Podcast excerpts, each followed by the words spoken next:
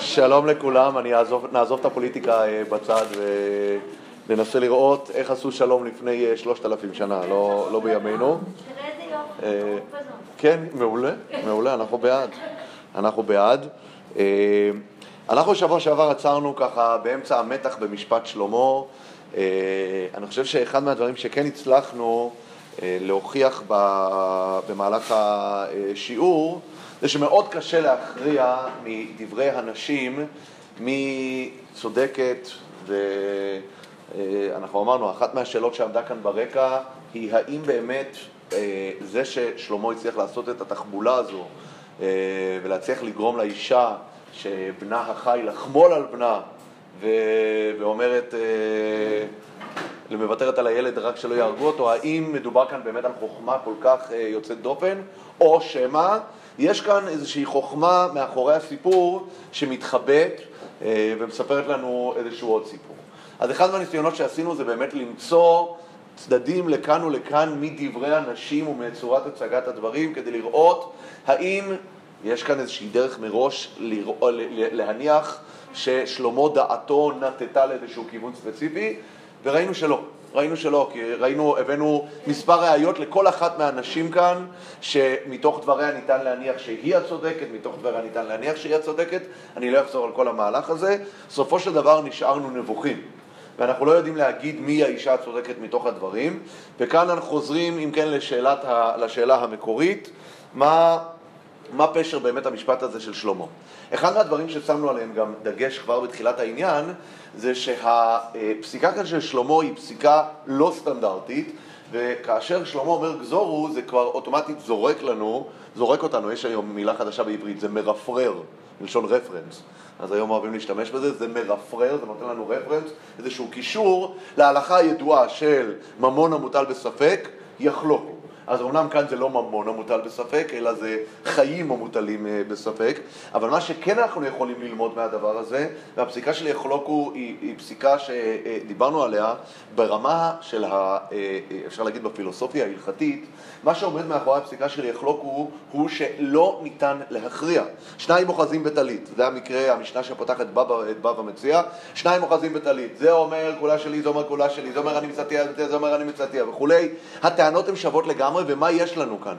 מילה כנגד מילה, ומצב אגב, הוא מצב שאפילו יותר, אפילו יותר שוויוני משלנו. שם שניהם אוחזים בטלית, כאן הם לא נכנסו ששניהן אה, אה, אוחזות, שתיהן אוחזות. מה? גם יחלוקו שני החצאים לא שווים. נכון.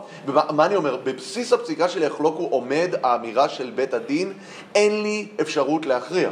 אגב, יש עוד הכרעות מעניינות שבית הדין יודע לעשות במצב של, אה, של חוסר הכרעה. יש מצב של כל דאלים גבר. כל דאלים גבר הכוונה היא אני מושך את ידיי מהדין הזה, החפץ יהיה מונח כאן, יאללה, מכות. שזה מצב מוזר, כאילו בית הדין אומר אני לא מסוגל להכריע ב, אה, בסוגיה הזו. עכשיו כאן, כששלמה, עצם זה ששלמה מציע את הגזורו פה, אז אני חושב שיש כאן גם איזשהו, כמו שאמרתי, הרפרור הזה, החיבור, לרעיון שיש כאן גם מצב של מילה מול מילה, יש כאן מצב שלא ניתן להכריע בו, העדיפות של המקרה הזה על המקרה הרגיל של היחלוקו הוא שכאן יש אישה אחת שהיא נקראת בשפה ההלכתית מוחזקת, היא מחזיקה את התינוק בידה, הוא אצלה, יש הלכה של המוציא מחברו עליו הראייה, למרות שפה צריך להבין האם באמת כל ההלכות שאנחנו מכירים בנוגע לממונות האם הם תקפים כאן? כי הרי פה זה דיני נפשות, זה לא דיני ממונות. זה דיני נפשות, להכריע מי האימא שתזכה בילד, זה לא דיני ממונות. אנחנו נראה, אגב, גם הנקודה הזאת זה מעניין, כי אנחנו נראה שרבי יהודה החסיד, יש לו אה, דמות מאוד מעניינת, עוד שנייה אני ארחיב עליה, אבל לפני כן אני אשמע את מה שרצית לומר. אז אני אומר, הוא כן אה, אה, מכוון לכיוון הזה, ונציג כאן כמה כיוונים איך להבין את הסיפור הזה.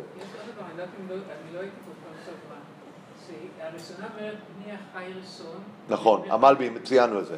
זה אחת מהראיות שהאישה הנתבעת היא הצודקת, שהיא אומרת ראשונה בדבריה, בני החי הוא בני חמת, אז היא אמרה את העיקר קודם, סליחה, אני אכבה את זה, ואילו השנייה אמרה בני חמת ובני החי. זו ראיה שהמלבים אה, באמת אה, משתמש בה, אבל ראינו גם הרבה ראיות לצד השני, הלשון של בי אדוני שמשתמשת בה הראשונה, שהיא חוזרת גם בביטוי בי אדוני המת אל תמיתו וכולי. אז ראינו כאן ראיות לכל הצדדים, ניסינו גם לראות האם יש כאן איזשהו שקר בדברי התובעת, כי היא אומרת, היא ממציאה כל מיני סיפורים שלא קרו. על כל העניינים האלה עברנו באמת אה, בשיעור הקודם, אה, אבל אה, אנחנו בסופו של דבר נשארנו כאן בלי הכרעה ברורה, למרות שעוד פעם, ראוי לומר שחלק מהמפרשים לאורך הדורות הכריעו לכאן או לכאן, כמו אחת הנשים, שהרי אמרנו, אחת מהסוגיות שבסופו של דבר מתוך הפשט לא ניתן להכריע בהם, זה מי היא האישה שבסופו של דבר זכתה בתינוק. האם זו התובעת או הנתבעת, אנחנו לא יודעים להגיד, וכל אחד מהמפרשים אמר את דברו, אברבנאל מדבר על זה, המלבי מדבר על זה, יש כל מיני אה, אה, דעות בנושא הזה, אבל אנחנו, יש לנו את הזכות לעמוד אחרי הרבה שנים ולראות את כל הדעות ביחד, אנחנו מצליחים לצאת מבולבלים לגמרי. אז אה, כשאנחנו יוצאים ככה מבולבלים, והרבה מהטענות הן טענות אה, חזקות, טענות אה, משמעותיות, אז אין לנו כאן באמת אה, איזושהי הכרעה. אז באמת רבי יהודה חסיד, דיברנו על הנושא של יחלוק, הוא באמת מכוון לדבר מאוד מעניין. הוא אומר, הסיפור כאן, יש כאן איזשהו סיפור נעלם מהעין. הוא אומר, הנשים הללו הן אלמנות של אדם מאוד מאוד עשיר. יש כאן כסף, הרבה כסף מונח על השולחן. עכשיו, יש כאן אבא אחד לילדים. זה שני נשים, הן צרות זו לזו. עכשיו, מי שהילד אה, שלה מת, כן? אז היא נמצאת מחוץ לסיפור כמובן. אה, עכשיו, יש כאן שאלה, מי הולכת אה, לקבל את הנכסים של הבעל העשיר הזה? מי הולכת לקבל, לקבל הם האלמנות של האדם העשיר הזה? יש כאן הרבה כסף מונח על השולחן, יש כאן שאלה מי תקבל את הכסף. עכשיו, האם, כאן זה גם קצת אה, אומר לנו שהאינטרס של האם, מה האינטרס של, של האם השקרנית? היא רוצה את הכסף כמובן, אז יש כאן סוגיה ממונית. וממילא מה ההלכה בממון המוטל בספק? יחלוקו, אז הוא אומר זה ממש, יש כאן יחלוקו, היחלוקו, היחלוקו הזה בעצם גם שלמה המלך מכוון לומר, זה משהו שגם לא מופיע בפשט. מה? אז זהו, אני אמרתי, רבי יהודה החסיד זה בכלל, זה סיפור מאוד מאוד מעניין, הדמות. יש לנו, אנחנו תמיד מבלבלים, יש שני רבי יהודה החסיד, החסיד שלא לבלבל מהם. יש את החורבה כאן. החורבה כאן של רבי יהודה החסיד זה רבי יהודה החסיד מלפני 300 שנה בערך, ויש רבי יהודה החסיד מחסידי אשכנז, שזה לפני 800 אה, שנה. הם השתמשו באותו שם והם היו מאוד שונים אחד מהשני. שניהם אבל היו מקובל, אה, אה, היה להם כנראה איזשהו... אה, מימד קבלי מאוד משמעותי, אבל רבי יהודה החסיד האחרון, זה של חורבת רבי יהודה החסיד, הוא נחשד גם בשבתאות, הוא, לא, הוא דמות מאוד מאוד לא ברורה, הוא אה, הגיע לירושלים לכמה שנים, הותיר אחריו חובות וסיבך את יהודי ירושלים באמת, והחורבה היא אחת מאותם דברים של הרבה כספים שהשקע. לא, זה לא הוא, אני מדבר על רבי יהודה החסיד הקדמון. רבי יהודה החסיד הקדמון, הוא היה אחד מגדולי הראשונים, הוא זה שיש עליו אה, צוואת רבי יהודה החסיד המפורסמת, של לא להתגלח בראש חודש, ולא לסתום חורים בקירות, ויש כל מיני עניינים קבליים מיסטיים שמגיעים מאותו רבי יהודה החסיד שהיה מחסידי אשכנז, שזו לכשעצמה תופעה מעניינת, חסידי אשכנז. הם היו מקובלים, שהיה להם אה, תפיסות גם של, אה, יש שם גם ספר חרדים, ורבי אליעזר רוקח, ועוד ועוד, יש שם אה, אה, אה, דמויות מאוד משמעותיות. זה היה מרכז קבלי מאוד מאוד מיסטי, אבל הם מאוד עסקו גם בנושא של תיקון הנפש, וייסורים, וגלגולי שלג. כל הדברים האלה מגיעים מהבית מדרש הזה, ככה מאוד אשכנזי מיוסר, הסיפור שם של חסידי אשכנז. הרבה מהתפיסות הקבליות שלהם מתעצבות על רקע מסעות הצלב, וזה סיפור מאוד מאוד מעניין. אותו רבי יהודה חסיד, סתם אנקדוטה משעשעת מאוד.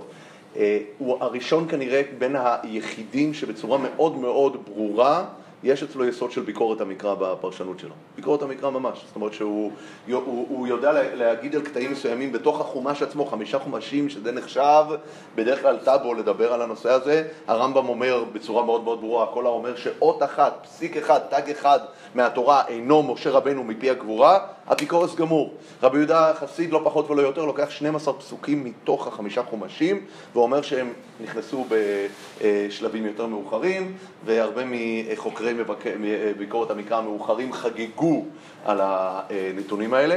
אבן עזרא לפעמים רומז לדברים הללו אבל לא בצורה כל כך ברורה. אה, אחד, אני, אני סתם נזכר, יש, יש, כמה, יש כמה פסוקים ידועים שרבי יהודה חסיד אומר שאלה הם אחד מ-12 הפסוקים, אחד מהם זה דן גור אריה יזנק בן הבשן, הרי נחלת דן, אנחנו יודעים, בתחילת דרכו הייתה איפה? בגוש דן, מה שנקרא היום, במרכז, אבל מכיוון שהם לא הצליחו לכבוש את החלק שלהם בדן, הם עלו לצפון וכבשו את, את, בצפון את דן, שזה האזור של הבשן. עכשיו, משה רבנו בעצמו אומר בברכותיו, דן גור אריה יזנק מן הבשן, איך הוא יכול לדבר על הבשן כאשר רק אה, יותר ממאה שנים אחרי פטירתו של משה, דנו לצפונה לבשן. זה גם ידוע, בסוף העקדה, אשר יאמר היום בהר השם ייראה, על המזבח שם, מה זה אשר יאמר היום, עוד כל מיני מקומות שכתוב בהם עד עצם היום הזה, מה זה עד עצם היום הזה, זה נראה כאילו מישהו כותב את זה בתקופה הרבה יותר מאוחרת, לא משנה, רבי יהודה חסיד הוא זה שכותב את זה. הסיפור המעניין, קראתי על זה פעם כתבה במקור ראשון, וזה מאוד מצחיק, שבאו, ל... היה כאן יהודי חסידי שקראו לו הרבי מאונגבר, יש קריית אונגבר ברמות של, של חסידות אונגבר, ובאו אליו, ו... הסיפור מתחיל עוד קודם, סליחה, באו לרמוישה פיינשטיין עם הכתבים האלה של רבי יהודה חסיד, היה איזה יהודי שהחליט להאדיר את הכתבים שלו לפני 30-40 שנה, והוא בא לרמוישה פיינשטיין עם מה שנקרא הקטעים הבעייתיים, מה עושים איתם? אז רמוישה אומר לו, אל תדפיס את הקטעים האלה, זה כנראה אה, אה, טעות סופר, זה איזשהו תלמיד מקולקל של רבי יהודה חסיד ששרבב את זה בתוך הכתבים שלו, זה לא יכול להיות רבי יהודה חסיד.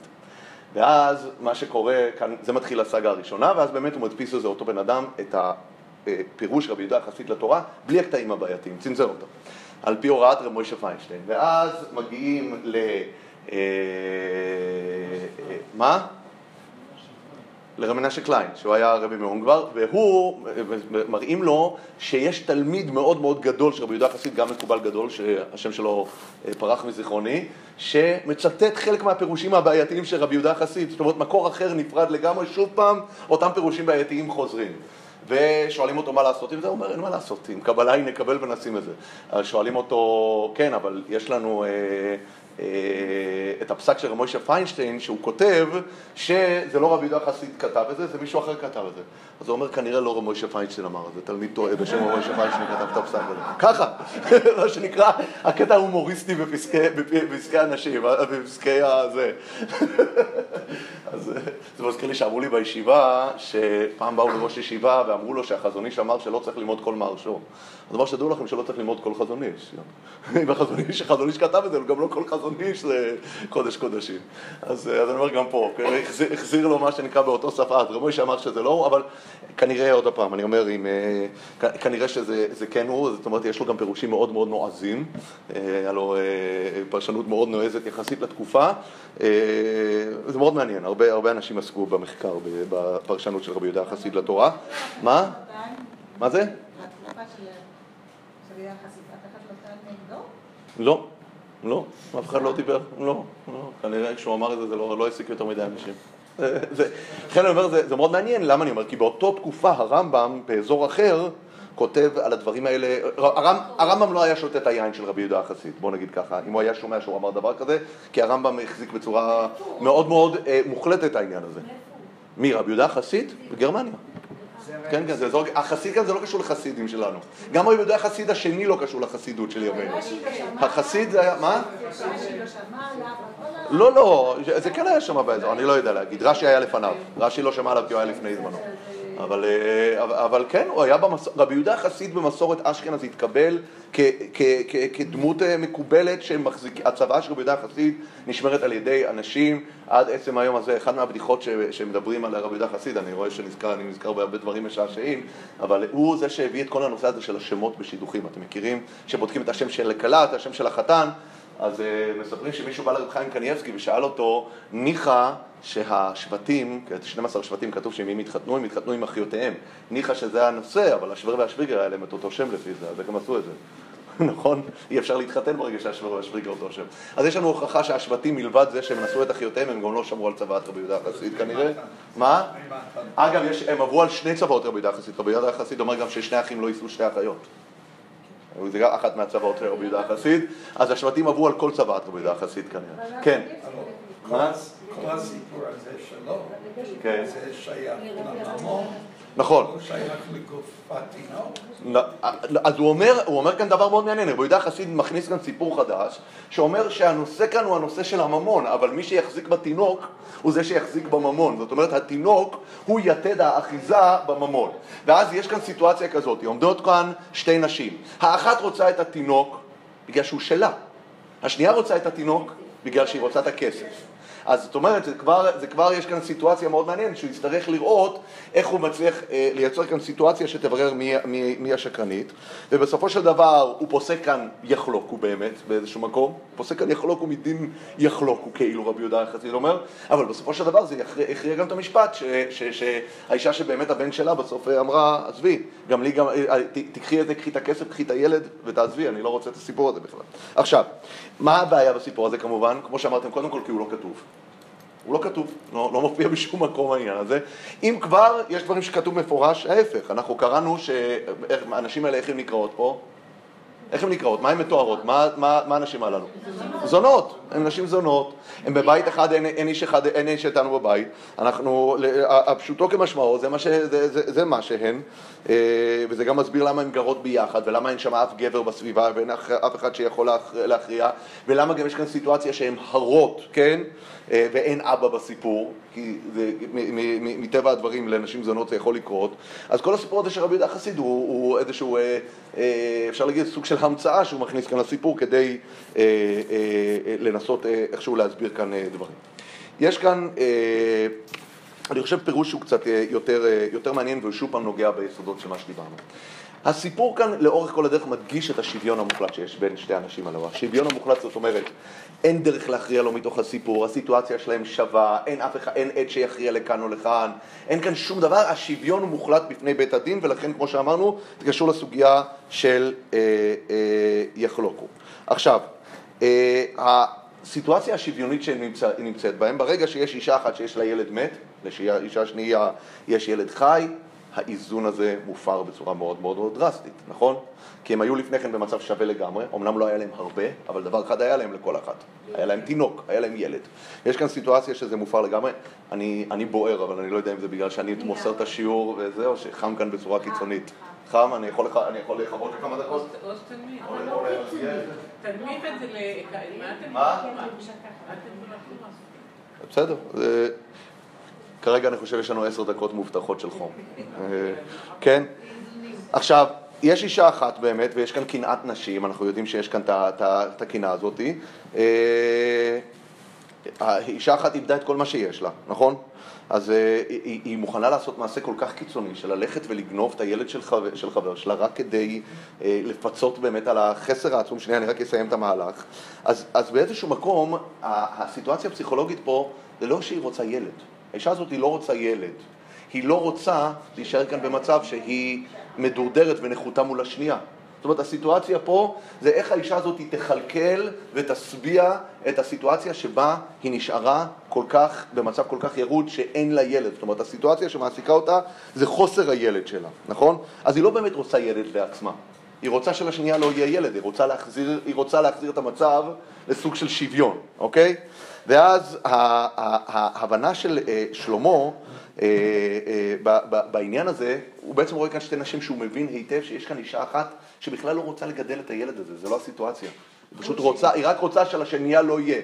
באיזשהו מקום אם היא יכלה, היא יכלה, אני רק אסיים את העניין, יכול להיות שהייתה הורגת את הילד הזה אפילו החי, רק כדי להגיע לשוויון. אבל כנראה שהיא לא עד כדי כך רעה. היא לא עד כדי כך, עד כדי כך מושחתת אה, מוסרית ללכת ולהרוג ילד של אישה אחרת בגלל שלה אין. אבל הסיפור שמעסיק אותה זה לא שהילד יהיה אצלי, אלא שהילד לא יהיה אצל השנייה.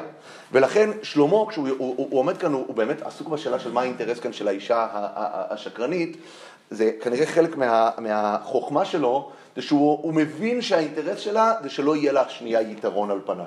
אני רוצה להיות כאן במצב של שוויון בינינו. ולכן מה הוא עושה? הטריק הזה של החרב הוא טריק גאוני.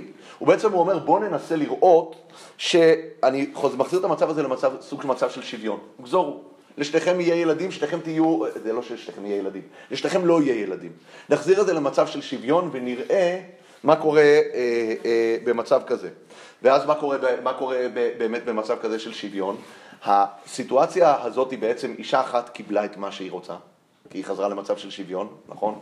לה אין ילד וגם לשנייה ילד, אבל אישה שנייה מאבדת את הבן שלה, זה מאוד מאוד מנכיח, הפתרון הזה של שלמה, את העמדה של כל אחת מהן כלפי, כלפי, כלפי הסיטואציה. אחת מהן רוצה את הילד שלה, ואחת רוצה את השוויון ביניהם. והרצון של האישה ב, ב, ב, ב, בשוויון גורם לה להגיד את הגזורו הזה. גזורו, לפחות שיהיה חצי חצי, אבל שלא יהיה לה יותר ממני. כל עוד אין לה יותר ממני, אני באתי על סיפוקי. זה הרעיון של מה שעומד כאן מאחורי הדברים. עכשיו, זה, זה, זה, כבר להיכנס לפסיכולוגיה של הנשים הללו, לנצ... לנסות להבין את, ה, את הכאב של האישה, את הקנאה שלה בחברתה, את הרצון שלה לאזן את הסיטואציה של איך ייתכן שהילד שלי מת ולה יש ילד חי, זה, זה לא הוגן, זה, זה, זה בלתי אפשרי.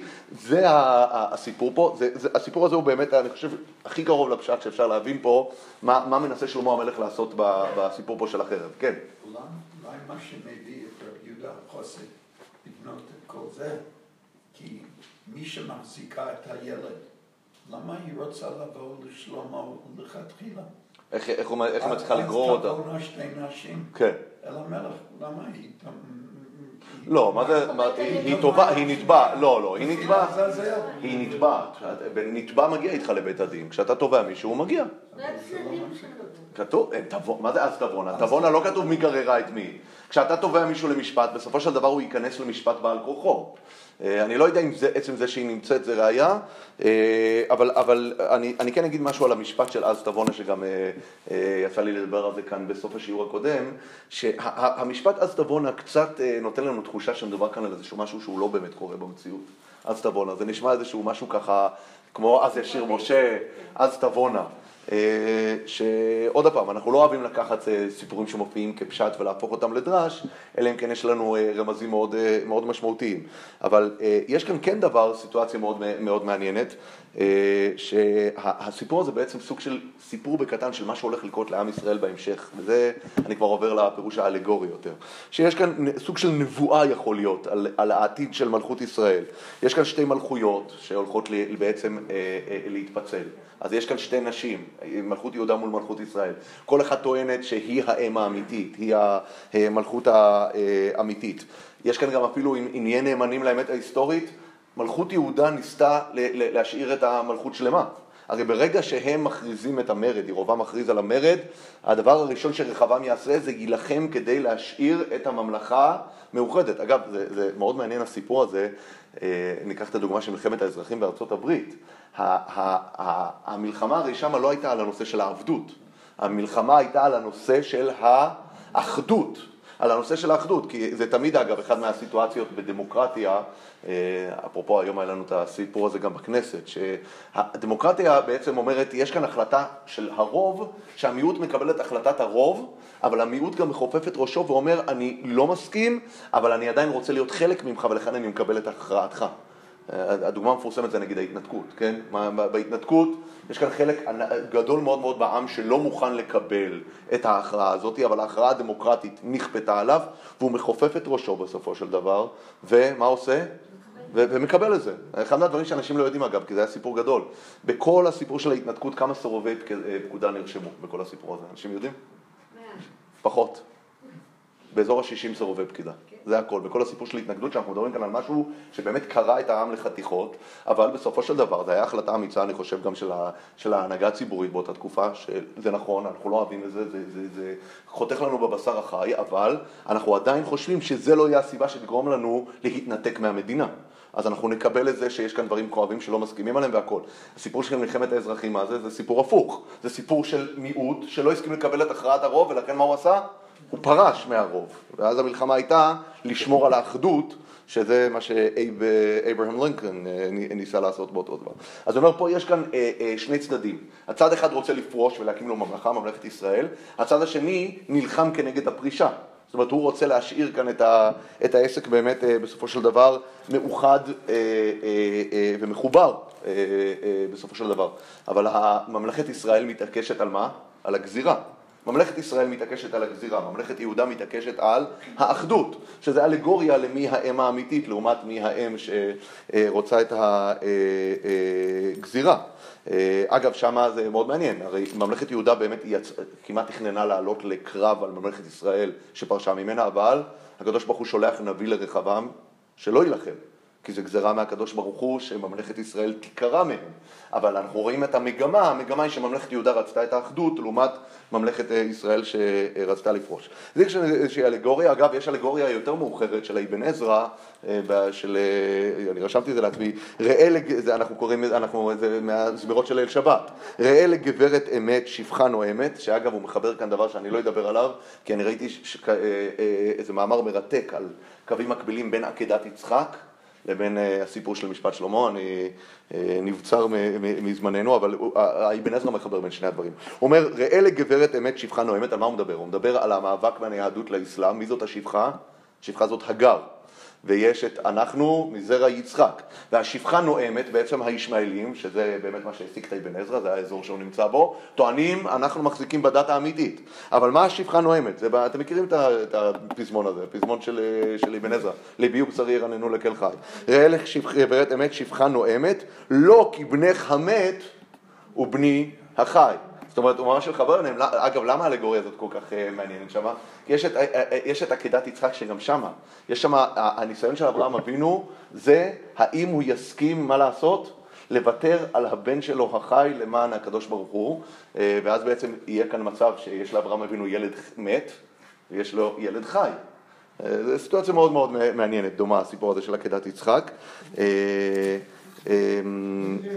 מה זה? לא, אבל שנייה, אני רק אסיים כאן, אבל אני אומר... מה זה? נכון. נכון. נכון, אחד אומרת, היה, האם, האם, אתה צודק מה שאתה אומר, הגר אומרת, הנה הבן שלי מל את עצמו בגיל 13, שאנחנו היה ילד בן שמונה, הוא לא הסכים להקריב את עצמו. אה, אבל אני, אני לא אכנס לדבר הזה, אבל מה שאני כן משתמש בזה, אבן עזרא משתמש ב, ב, ב, בדבר הזה בשיר, לא כי בנך מת ובני החי, זאת אומרת, אנחנו אומרים לישמעאלים, אתם הילד המת ואנחנו הילד החי. זאת אומרת, הוא רואה כאן איזושהי אליגוריה של המשפט שלמה הזה כמשפט בין אה, עם ישראל לבין אה, אה, אומות העולם. אז אני לא עקבתי כאן לאורך כל שלבי המשפט, איך אנחנו באמת בונים את האליגוריה הזאת ואת הטענות הללו, אבל כן יש שימושים יותר מאוחרים במשפט הזה כמשפט אליגורי של כל מיני פרשנים שהפקיעו את זה, מה שנקרא, מ... זירת הפשט והעבירו את זה לזירת הדרש והאלגוריה לגמרי. מה זה? בין כך ובין כך, אנחנו כן אמרנו שאחד מהדברים שבולטים לנו, שלמרות ששלמה באמת מבקש בחלום שלו את הכוח למשפט, אמרנו שיש לפקפק האם זה היישום של החלום. כי אמרנו המשפט הזה הוא לא המשפט שמבטא באמת אה, מערכת משפטית תקינה ויציבה ו- ו- ונורמלית. מערכת משפט זה אומר שיש חוקים, יש סדר, יש איזושהי חוקה כתובה שפוסקים על פיה, פה הוא לא פוסק על פי חוקה, כאן זה קצת שייך לאיזשהו משפט של אה, אה, פסיקה אינטואיטיבית. ולכן אני אומר, לא בטוח שזו הראייה, אבל אני לא, אני לא אכנס לעניין הזה. בכל מקרה, מה התוצאה? אנחנו רואים וכאן אנחנו נמשיך. אני נמצא בפרק אה, ג' פסוק כ"ח: וישמעו כל ישראל את המשפט אשר שפט המלך ויראו מפני המלך כי ראו כי חוכמת אלוהים בקרבו לעשות משפט. זאת אומרת רואים כאן איזשהן איכויות מיוחדות של משפט ואז מה הסיומת? ויהי המלך שלמה מלך על כל ישראל. עכשיו אנחנו דיברנו על זה. יש כאן, זה המשפט השלישי כבר שמדבר על התבססות מלכות שלמה. המשפט הראשון הוא מיד בסוף הפרק הראשון, מה מופיע שם? אחרי שדוד ממליך את אה, אה, שלמה עוד בחייו, שם מה כתוב? ומחסל את מרד אדוניה. אה, איפה זה? ושלמה, זה נמצא בפרק ב', פסוק י"ב, ושלמה ישב על כיסא דוד אביו ותיכון מלכותו מאוד. אני רוצה שנשים לב ל, אה, ל, להבדל בין המשפטים הללו, כי אני חושב שזה מספר לנו כאן סיפור מאוד יפה על איך שלמה מבסס את מלכותו. אז המשפט הראשון זה, ושלמה ישב על כיסא דוד אביו ותיכון מלכותו מאוד. מה המשפט השני? אחרי ששלמה מחסל את כל האויבים שאביו אמר לו בצוואתו אה, לחסל, אז אנחנו רואים ש... בסוף פרק ב', והממלכה נכונה ביד שלמה. כאן אנחנו רואים את המשפט השלישי, שמה כתוב פה בסוף משפט שלמה, ויהי המלך שלמה מלך על כל ישראל. אז אם נשים לב, הדברים האלה ממש מתארים הדרגתיות. פסוק, המשפט הראשון באמת מדבר על דוד המלך. למה? כי דוד המלך הוא זה שמושיב את שלמה על כיסאו עוד בחייו, וזה המשפט, המשפט שמתאר את זה ששלמה מצליח להיכנס לאיפה? לנעליים של אביו. הוא יורש, הוא היורש החוקי. אם היה את דוד, מי נכנס במקום דוד? זה שלמה, דוד דואג לזה עוד בחייו, וזה הכוונה שלמה ישב על כיסא דוד אביו, ותיכון מלכותו מאוד. הכוונה היא, הוא באמת מצליח להיכנס למשבצת היורש, אוקיי? אז זה דבר אחד, וזה באמת מה שמתואר בפרק הראשון, איך דוד, הנושא של הפרק, של הנושא הראשון הוא נושא הירושה, שלמה הוא היורש, הוא נכנס באמת למשבצת היורש כמו שצריך. הדבר השני זה, אחרי ששלמה באמת צריך לבסס את השלטון שלו כבר, זה לא כבר שאלה פרסונלית האם הוא המלך או אדוניה המלך, אלא יש כאן שאלה זה האם הוא מצליח לבסס את השלטון שלו ולחסל את ההתנגדויות. ולכן שמה כבר עוברים, ומה מדברים? הממלכה נכונה ביד שלמה. זה כבר מדברים כאן על יד, מה שלא נזכר קודם. קודם מדברים רק על הכיסא. וישב שלמה על כיסא דוד אביו. יש כאן שאלה מי יושב על הכיסא, זו שאלה של כיסא, זו שאלה של ירושה, ולכן שלמה הוא זה שיושב על הכיסא. כאן מדברים כבר על הממלכה והיא נכונה ביד שלמה. יד, זה מתאר יד חזקה זרוע נטויה, זה מתאר את השלטון ביד, וזה מה שקורה פה בפרק השני, ששלמה מבסס את מלכותו. הפסוק שאנחנו עכשיו קוראים הוא כבר סיום התהליך. מה קורה כאן? כאן כבר קורה השלב השלישי. כאן כתוב, ויהי המלך שלמה מלך על כל ישראל. הוא כבר מלך על העם. זה השלב שהעם מקבל אותו. למה העם מקבל אותו? כי העם רואה את חוכמתו, העם רואה את האיכויות המיוחדות שלו, אז הוא גם מתחבב על העם. אז אגב, אמרנו, ואני חוזר על זה ככה בקצרה, שהשלבים האלה נמצאים אצל כל המלכים, קראנו לזה השלב של הממלכה הפורמלית, שזה שאול, שמואל מושך אותו על הגג, הוא הופך אותו למלך באישיותו, אותו דבר דוד כאשר הוא נמשך בבית ישי, הוא נמשך למלך, אבל גם שאול וגם דוד בשלב המשיכה לא הפכו באמת להיות מלכים, הם הפכו להיות אנשים שראויים למלוכה, אנשים שמסומנים למלוכה, אבל הם עדיין לא מלכים. השלב השני הוא השלב שאני קורא לזה ההמלכה הפורמלית, לא הפרסונלית. על הגג זה הממלכה, משהו יותר פרסונלי. זה בין שמואל לדוד בהיחווה, זה בין שמואל לשאול בהיחווה.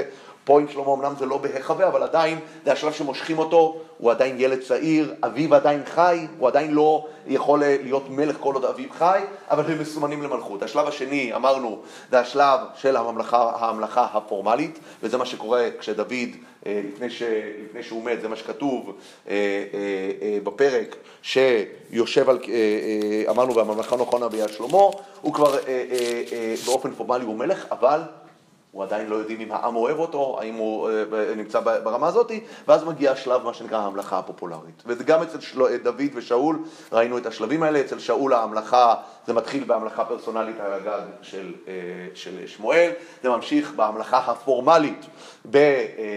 ב, ב זה לא, זה לא בגלגל, זה עוד לפני כן, כאשר הם אה, נאספים ועושים את הגורלות והגורל של שאול יוצא וכל העם מזהים אותו, והשלב השלישי זה אחרי הניצחון הגדול שלו על נחש העמוני, בואו נלך לגלגל ונחדש המלוכה, זה השלב שהעם נושא אותו על כתפיו, גם לדוד יש את כל השלבים האלה, השלב הראשון פרסונלי בבית ישי, השלב הש... השני הוא השלב הפורמלי כאשר שאול מת ודוד באמת מתחיל להיות מלך על יהודה, אבל הוא עדיין לא מלך על כל ישראל, השלב השלישי זה אחרי איחוד המלוכה, כל העם מקבל אותו, אוהב אותו ומעריץ אותו ויש גם את הפסוקים שמתארים את זה לכל אחד ואחד, וזה השלב שאנחנו נמצאים בו אצל שלמה. זה השלב שהוא באמת עובר לשלב של הפופולריות. העם אוהב אותו, העם רוצה אותו, והעם מכיר בו אה, כמלך טוב ואיכותי. כן.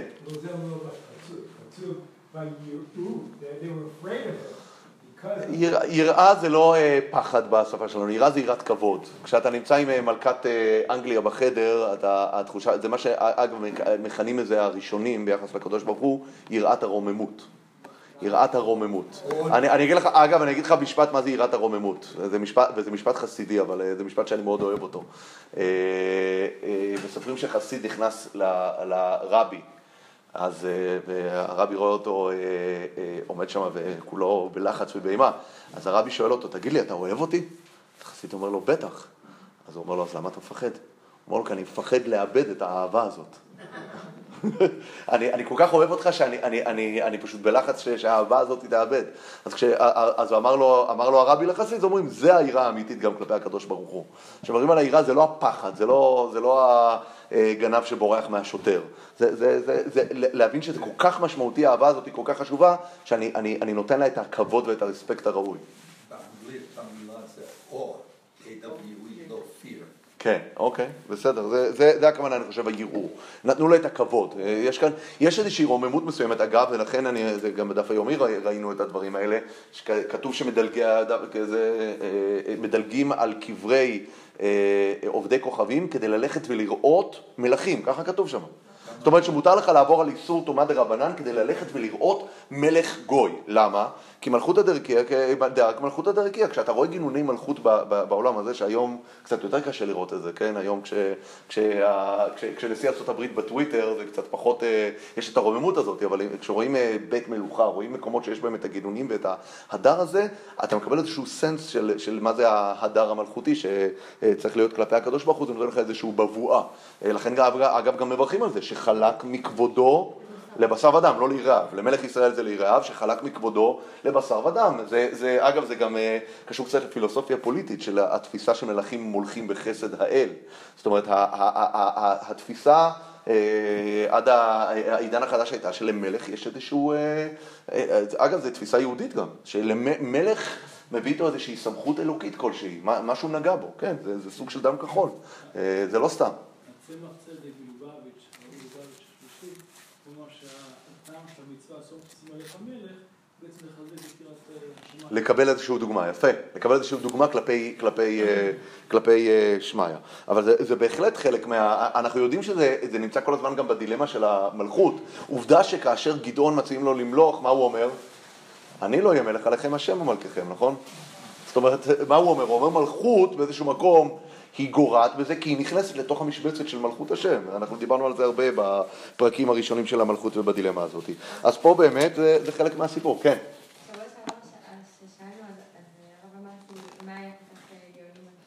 למה? למה זה? כן. אין לי, אין, אה, תראי, אין, אין לי כאן תשובה מאוד מאוד אה, ברורה להגיד, הסברה היחידה שאני יכול להגיד עוד פעם זה היכולת שלו להיכנס לפסיכולוגיה של האנשים הללו אה, ולהבין את הדברים האלה, אבל אין לי, אין לי, אין לי באמת תשובה ברורה לזה. השאלה יותר טובה, מה התשובה? ל- לצערי שאלות תשובות בדרך כלל, שאלות, טובות הן בדרך כלל ככה. טוב, אה, בוא, בוא, בוא נמשיך. הפרק הבא הוא באמת כבר אה, פרק אה, שלכאורה נראה פרק שעוסק באדמיניסטרציה של שלמה, אבל אנחנו רואים שהוא פרק ממש מרתק. בואו נראה. אנחנו בפרק ד'. הפרק ד' פותח, אגב, יש כאן הבדל בין החלוקה הנוצרית לחלוקה היהודית, זה מאוד מעניין. אה, אנחנו עכשיו הסבר, קראנו ויהי המלך שלמה מלך על כל ישראל כהסבר למה שהיה קודם. אה, אבל המחלק, המחלק הנוצרי כאילו קורא את זה ככה, ואנחנו נראה. ויהי המלך שלמה מלך על כל ישראל, ואלה השרים אשר לו ורשימת השרים. זאת אומרת, המחלק הנוצרי חושב שיש כאן כותרת לפרק שהולך להציג את כל הממשל של שלמה, אז הכותרת ויהי המלך שלמה אה, מלך על כל ישראל. מה? גם פה יש, נכון, זה נכון, אבל ה- ה- הסתומה איפה זה נמצא? רק בין, בין המלך על כל ישראל ואלה השרים. אני, אני, אומר- מה אני אומר? אני חושב שזה שייך לחלק הקודם. כן. זה שייך לחלק הקודם, המלך שלמה הוא מלך על כל ישראל בעקבות הרושם שהותיר משפט שלמה. המחלק הנוצרי חושב ש, ש, שויהיה המלך שלמה מלך על כל ישראל זה כותרת ומי הם האנשים שעובדים תחתיו, אה, אלה השרים אשר לו וכולי וכולי וכולי. אני, זה, זה, זה, זה, ש, יכול להיות ששני הדברים נכונים, עוד פעם, אני לא, אני לא כאן כדי להגיד שהמחלק הנוצרי אה, טועה לגמרי, אבל אה, אה, מיד אחרי שאנחנו אומרים שהמלך שלמה מלך על כל ישראל, גם מפרטים את אה, אה, רשימת השרים. אז בואו נראה. הרשימה שמופיעה כאן היא רשימה מאוד מעניינת ואנחנו נראה גם למה. ואלה השרים אשר לא. ננסה ככה תוך כדי לראות אם אנחנו אה, שמים לב לשמות שאנחנו אה, מכירים. עזריהו בן צדוק הכהן, מישהו יודע מי זה? שמענו עליו? לא. לכאורה, מה? או, צדוק, זה כנראה אחד מהילדים של צדוק, אבל אנחנו פגשנו ילדים של צדוק קודם. מי, מאיזה ילדים של צדוק פגשנו קודם? פגשנו את אחימץ ואת, אה, יונתן, נכון? אחימץ אה, זה הבן של, אחימץ זה הבן של צדוק נראה לי, ויונתן זה הבן של אביתר. אז יש לצדוק, יש כבר ילד קודם, שנפ... נש... איפה, איפה אנחנו פגשנו אותם? במרד אבשלום, שני הילדים של הכהנים הגדולים שימשו ב... כ... כמרגלים ב... בתוך ירושלים, כאשר אבשלום שולט בירושלים, פתאום פה יש כאן מישהו חדש, עזריהו בן צדוק, לא יודע מי זה, הכהן. אליחורף ואחיה בני שישה סופרים. מה זה סופרים? בואו נראה, בואו נמשיך. יהושפט בן אחילוד המזכיר, ובניהו בן יהוידע על הצבא, וצדוק ואביתר כהנים, רגע, אבל, אבל כבר הזכרנו כהן. ואו, זו השאלה עוד יותר גדולה, אביתר לכאורה, אביתר גורש כבר. ענתות, אביתר גורש, פתאום פה הוא חלק מה, מה, מהממשל. ועזריהו בן נתן על הניצבים, מי הם הניצבים עוד שנייה נראה, וזבוד בן נתן כהן ראה המלך, ואחישר על הבית, ואדונירם בן עבדה על המס. אז בואו נראה דבר אה, מעניין. אחד מהדברים הראשונים שאנחנו צריכים לעשות זה אה, לשים לב, יש לנו אה, רשימות אדמיניסטרטיביות כאלה אצל דוד המלך, נכון? בואו נראה איזה, קודם כל, יש לנו כמה דברים שאנחנו צריכים לבדוק. אה, אני חושב שלושה פרמטרים לפחות שצריך לבדוק כשמשווים את זה לרשימות של דוד. קודם כל, האם כל התפקידים שיש אצל שלמה מופיעים אצל דוד? דבר שני, האם התפקידים שמופיעים אצל דוד ואצל שלמה, האם הם אה, מנויים באותו סדר? הסדר הוא גם מאוד מאוד משמעותי. עוד דבר מעניין שאפשר אה, אה, אה, לבדוק, אה, האם יש כאן איזושהי הורשה, איזשהו אה, תפקידים שעוברים מאב לבן, בואו נראה את הדבר הזה. אז יש לנו את זה ב, אה, בספר, אה, אה, בשמואל ב', יש לנו בפרק ח', אנחנו נראה את הרשימה הראשונה. אנחנו ננסה לא להתבלבל כי אנחנו נשווה עכשיו בין שלוש מקורות עם רשימות. אז ננסה, ננסה לפשט את זה כמה שיותר, אבל זה כן מעניין לקרוא את זה ולראות כאן איזושהי התפתחות מאוד אה, אה, מעניינת. פרק ח' בפסוק ט"ו, נראה, והייתי מבקש מכם להחזיק אצבע בעוד מקור, וזה בפרק אה, כ', גם בשמואל ב', פרק כ', פסוק כ"ג. בואו ננסה לעשות כאן עבודת אה, השוואה קשה. אבל בואו בוא נקרא קודם כל את כל המקורות לפי הסדר.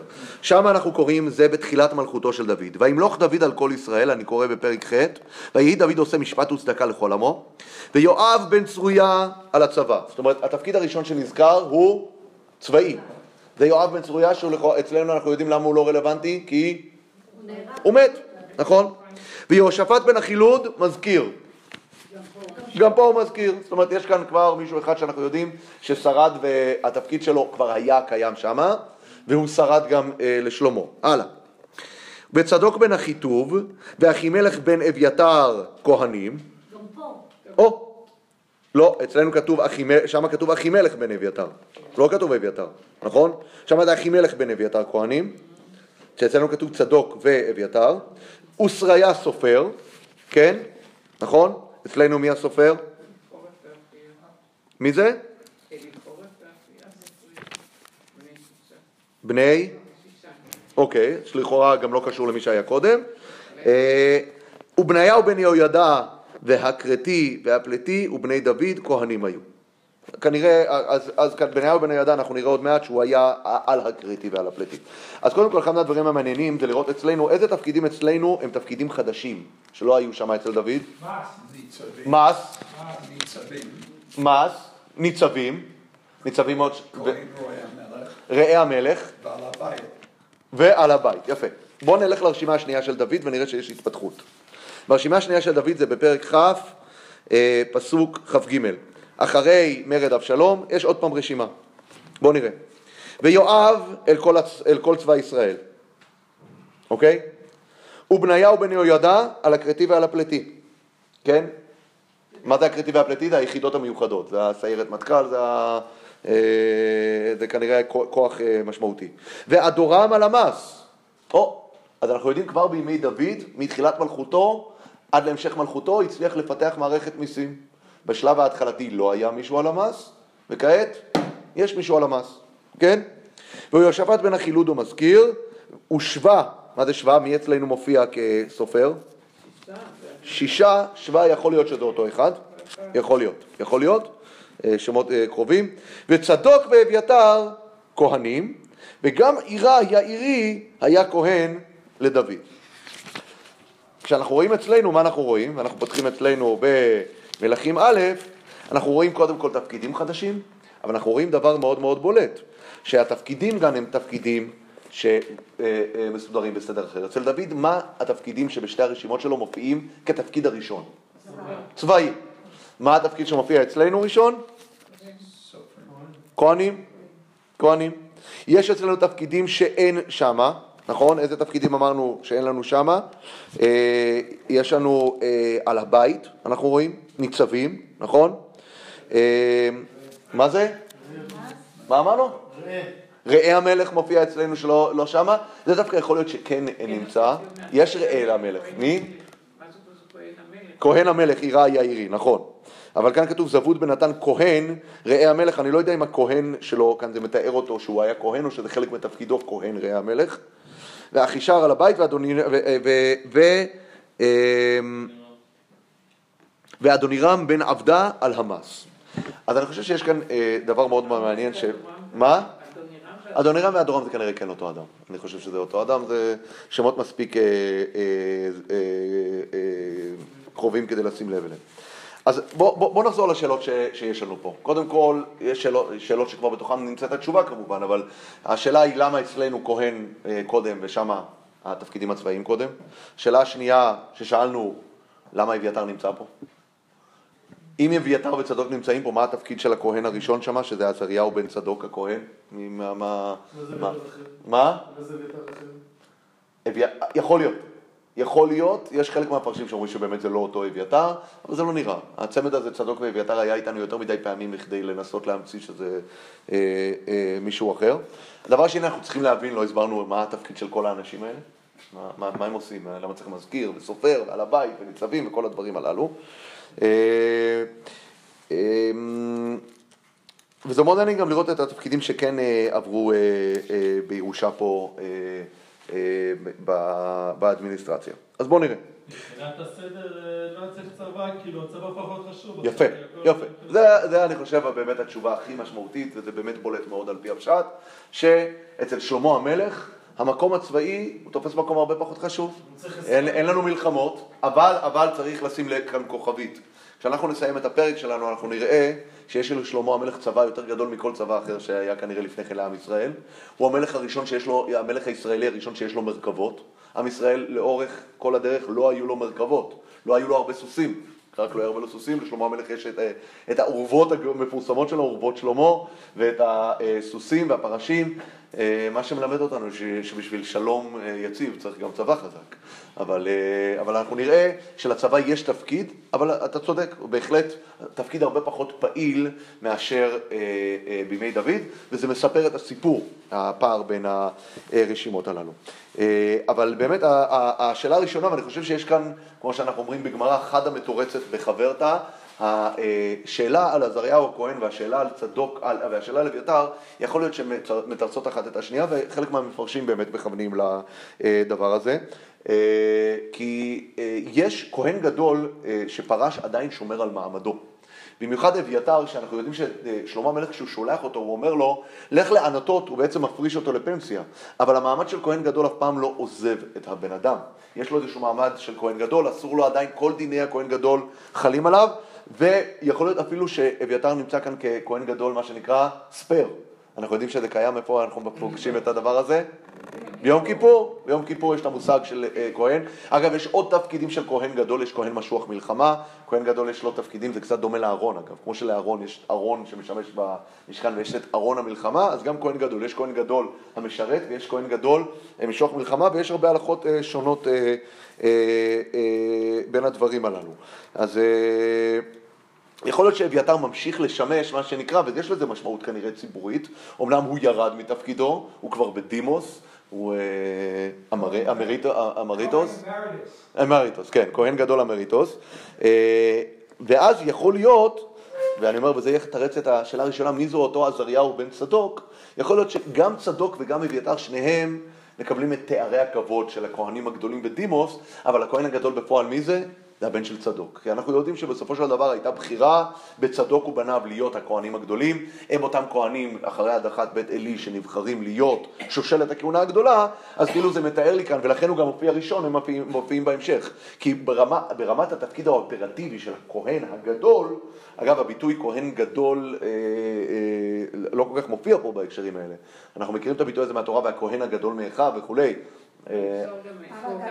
בשנה, מה זה? משרתים? יכולים?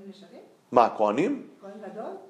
אה, אני, יש, יש את המושג של הכהן גדול שבשלב מסוים שהוא כבר לא, הוא, הוא לא, הוא כבר לא מיומן, לא מיומן מספיק, מה שנקרא כוחות תושש, אז הוא, מפרישים אותו, הוא כבר לא יכול להיות, אה, זה. מה? כן, כן, יש מושג כהן שעבר, יש גם מושג כהן שסרח, שיותר מתאים באמת לאביתר. כהן שסרח, בתקופה של אה, של חשמונאים זה היה אה, עוד יותר מצוי, אה, כמצלוקים. אפשר לראות שהוא הכהן הגדול, כתוב על זרע וצור הכהן, בה"א יפה, יפה, אז אני אומר, זה גם מכוון לזה. נכון, נכון, אני חושב שזה גם מכוון לרעיון הזה של, שהוא הראשון ברשימה. למה, אגב, למה זה כל כך משמעותי מעבר למה שציינו קודם, שבסדר הרשימות אצל דוד הצבא בא קודם, ואצל שלמה הכהונה בא קודם, כי אצל שלמה הולך להיות מקדש. אנחנו נראה עוד דבר, וזה חשוב לדעת, שהרשימה הזאת, אנחנו נקרא עוד רגע, הרי אנחנו רואים כאן שיש כאן מישהו שממונה על הניצבים, לא דיברנו על, ה, על, ה, על התפקיד הזה עדיין, אבל יש גם את רשימת הניצבים, ובתוך רשימת הניצבים מופיעים חתנים וכלות של שלמה המלך. מה שאומר לנו שהרשימה הזאת היא לא רשימה מתחילת חייו של שלמה, זו רשימה הרבה הרבה יותר מאוחרת כנראה, נכון? אז uh, אנחנו מדברים על, אה, על שלבים באמת uh, יותר מגובשים של, ה, של המלוכה, שיש כבר בית מקדש בנוי. וכשיש בית מקדש בנוי, שלמה המלך זה באמת המפעל הכי גדול של שלמה המלך, זה בניין המקדש, אז באמת הכהונה תופסת מקום מאוד מאוד מרכזי. הכהונה הוא, הב, הוא הבן אדם שנבחר לעמוד בפרויקט הכי גדול של שלמה המלך, וזה מי שמופיע ראשון ברשימה. אז יכול להיות שאני אומר, אחד, הדברים האלה מתרצים אחד את השני, שיש כאן שני סוגי כהונה. יש את הכהן הגדול הרשמי, ויש את הכהונים, מה שנקרא, אה, אה, ברמה של אה, אה, תואר כבוד. מה הדבר הבא שמופיע? הדבר הבא שמופיע, אליחורף ואחיה בני שישה סופרים. מה הפירוש סופרים? סופרים זה האנשים שממונים על התכתובת המלכותית.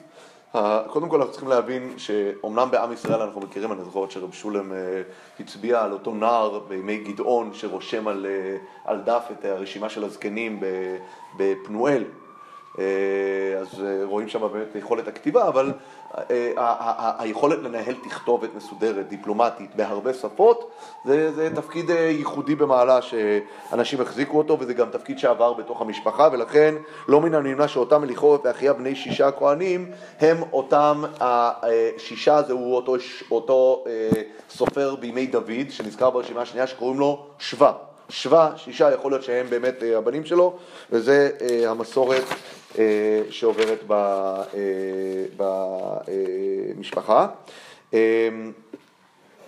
בהמשך אנחנו רואים, ואני אומר, הסופרים האלה באמת עובדים אה, כנראה ב- ב- במחלקה הדיפלומטית של שלמה, ואנחנו נראה בהמשך, לשלמה יש המון המון עיסוק דיפלומטי מול עמים אחרים, שאנחנו לא ראינו קודם.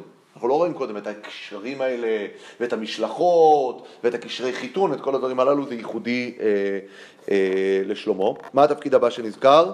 מזכיר. מה התפקיד של מזכיר? מה התפקיד של מזכיר? אמרנו, מזכיר יש לו, אה, זה לא, זה הבן אדם שאחראי על. ספר הזיכרונות. מה זה ספר הזיכרונות? והיו נקראים לפני המלך, ספר הזיכרונות.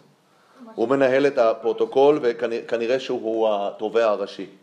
זה הכוונה מזכיר. המזכיר הוא התובע הראשי. כן? זה הכוונה אה, מזכיר. אה, ספר הזיכרונות, הכוונה היא הספר שיש בו את הפסקים. אני אצל אחשוורוש אנחנו רואים, יש את הפסקים, מה לעשות עם זה? כתוב שם שמרדכי, מה? זכאי לכבוד מהמלכות כי הוא הציל את המלך, צריך ליישם את זה. אז זה ספר אגב, כשאנחנו מדברים גם בראש השנה על ספר הזיכרונות, נכון? ספר הזיכרונות, הכוונה היא ראש השנה הוא יום המשפט. ביום המשפט יש ספר זיכרונות, ששם כל מעשינו נזכרים. אנחנו מתפללים שהם ייזכרו אה, לטובה, אבל המזכיר הוא התובע אה, הראשי. אה, בהמשך אנחנו רואים עזריהו בן נתן על הניצבים, וזבוד בן נתן כהן ראה המלך. אגב, אני אומר לא מן הנמנע שאותו עזריהו בן אה, נתן, יכול להיות שהוא הבן של נתן הנביא, נכון? אנחנו ראינו כבר אה, לפני כן שיש עוד אחד עזריהו שהוא עזריהו בן צדוק, נכון? עכשיו יש עזריהו בן נתן, צדק, ונ... צדוק ונתן אנחנו יודעים שהם היו ביחד בסיעה שתמכה במי? בשלמה המלך בתחילת דרכו. יכול להיות שיש, אני לא, זה לא כתוב, אני, אני אומר, יכול להיות שזה רמז, יכול להיות שזה הבן של נתן הנביא אה, שקיבל איזשהו תפקיד בממשל. לא, כי השני הוא כהן. וזבוד בן נתן כהן, כהן ראה המלך. אני לא יודע אם הכוונה היא כהן ראה המלך. שאלה, אני, אתה יודע לאן השאלה שלך זורקת אותי? אני, אני, אם נפתח בשמואל ב', נראה משפט מאוד מאוד אה, מוזר בפרק שקראנו, בפרק כ'. אה, זה מופיע גם נראה לי, סליחה, זה מופיע גם בפרק ח' נראה לי המשפט הזה, תנו לי שנייה לראות. שם כתוב על בני דוד שהם כהנים. ששם אמרנו שכהנים הכוונה היא יכול להיות לא כהנים במובן שאנחנו מכירים, אלא מכהנים אה, בתפקידים. הנה, כתוב בפס, בפרק, בסוף, בפסוק האחרון של פרק ח' בשמואל ב', כתוב ובניהו בן יהוידע והכרתיו והפליטי ובני דוד כהנים היו. מה זה בני דוד כהנים היו? הם לא היו כהנים, הכוונה היא הם כיהנו בתפקידים אה, אדמיניסטרטיביים בממשל של דוד. אז יכול להיות שאתה צודק שכאן כהן הכוונה היא, הוא משמש, אה, כהן משמש כראה המלך. אגב, מה זה ראה המלך? ראה המלך זה אה, תפקיד שאנחנו מכירים אותו, גם אחיתופל היה בתפקיד הזה, וזה זה היועץ, זה היועץ המלכותי, זה מופיע על חושי הערכי. חושי הערכי הוא היה ראה המלך. ראה המלך, הכוונה היא איש סודו המקורב אליו, היועץ, היועץ האישי. לכל מנהיג היום אנחנו מכירים, יש יועץ אישי, נכון? זה סוג של משרת אמון מאוד מאוד משמעותית, אתה צריך מישהו שחכם שמלווה אותך, אה, סוג של יועץ סתרים כזה. ומי האחרון? אחישר על הבית, הוא לא האחרון, סליחה, אחישר על הבית. אה, מה זה אחישר על הבית? הוא ממונה על כל חצר המלוכה. זה כנראה סוג של שר אוצר כזה, הוא ממונה על, ה, על ההוצאות, אנחנו נראה עוד שנייה מה היקף ההוצאות שיש כאן, יש כאן היקף הוצאות אה, אדיר, ואדונירם על המס. מה זה המס? מס זה לא מה שאנחנו מכירים מימינו, המס הכוונה היא מס של האנשים. לאנשים היה מחויבות מסוימת לבוא ולעבוד, אה, זה מה שנקרא מס עובד. מס עובד הכוונה היא אנשים שבאו לעבוד בשביל המלוכה, הם הקדישו זמן מסוים של עבודה אה, אה, בשנה אה, לעניין הזה. עכשיו בואו, אנחנו נעבור לדבר מאוד מאוד מעניין, וזה רשימת הניצבים. בואו נראה. ולשלמה 12 ניצבים. אחי, אנחנו ראינו שאחד מהתפקידים זה עזריהו בן נתן על הניצבים. מה זה הניצבים? זה פונקציה חדשה שלא הופיעה אצל דוד. בואו נראה. ולשלמה 12 ניצבים על כל ישראל, וכלכלו את המלך ואת ביתו חודש בשנה, יהיה על האחד לכלכל. זאת אומרת, לראשונה יש כאן כרגע אחריות ציבורית, יש כאן כרגע כבר ממסד מסודר, שהעם כולו אה, לא- נוטל על שכמו את אה, עלות ותחזוקת בית המלך, שהיא עלות אדירה, עוד שנייה נראה. ואלה שמותם, בואו נראה מה זה הניצבים. בן חור בהר אפרים, בן דקר במקץ ובשעלבים ובית שמש ואלון בית חנן, כל אחד מהם מקבל פסוק, כן? זה אזורים בארץ. בן חסד בערובות, לא, סוחו וכל ארץ חפר. בן אבינדב, כל נפת דואר. תפת בת שלמה הייתה לו לאישה, נכון? זאת אומרת, הוא איידם של המלך, קיבל תפקיד, נכון? בענה בן החילוד, תענך ומגידו, וכל בית שאן אשר אצל צרתנה מתחת ליזרעאל, מבית שאן עד אבל מחולה, עד מעבר ליוקמעם. בן גבר ברמות גלעד, לא חוות יאיר בן מנשה אשר בגלעד, לא חבל ארגוב אשר בבשן, שישים ערים גדולות, חומה ובריח נחושת. אחינדב בן עידו, מחניימה. אחימץ בן נפתלי, גם הוא לקח את בוסמת בת שלמה לאישה, עוד חתן של המלך, כן? עכשיו שימו לב שהרשימה הזאת היא עד לאחימץ, היא מדברת על אזורים, אזורים גיאוגרפיים, זה לא אזורים אה, לפי שבטים, אלא זה אזורים גיאוגרפיים, כולם אזורים אגב אזורים צפוניים אם נשים לב, מה, מה, מה, מהצפון ועד, אה, ועד המרכז. אחימץ בן נפתלי, אמרנו גם הוא לקח את בוסמת בת שלמה לאישה, בענה בן חושי באשר ובעלות, יהושפט בן פרוח ביששכר, שמי בן אלה בבנימין, גבר בן אורי בארץ גלעד, ארץ סיחון מלך האמורי ואוג מלך הבשן, ונציב אחד אשר בארץ. יהודה וישראל רבים ככל אשר על הים, לרוב אוכלים ושותים ושמחים. אידיליה. אבל בואו נשים לב שנייה פה לרשימת הנציבים, וזה דבר מאוד מעניין.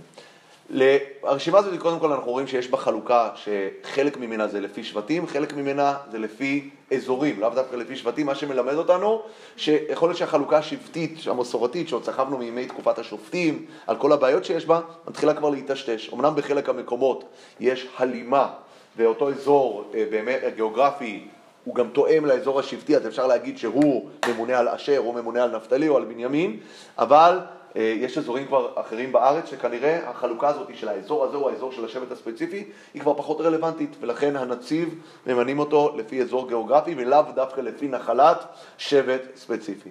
אבל השאלה הגדולה היא איך ייתכן שמתוך הרשימה פה כל האזור והשטח של יהודה, של שבט יהודה, נעדר לגמרי. אין, שבט יהודה נעלם כאן מהסיפור.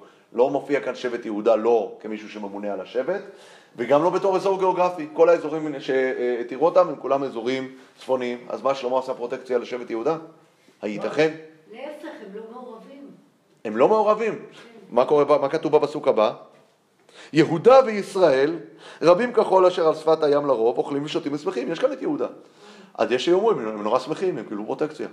שבט יהודה. לכן כתוב אולי יהודה לפני ישראל. כי יהודה קיבלו פרוטקציה ענקית. הם, כל עם ישראל צריך להשתתף בחודש בשנה בתחזוקה של בית המלך, אבל יהודה אה, לא קשורים לסיפור. הייתכן? על זאת ועוד בתוכניתנו הבאה. תודה רבה לכם. מצאו חלל הארץ. המקדש. מה? זה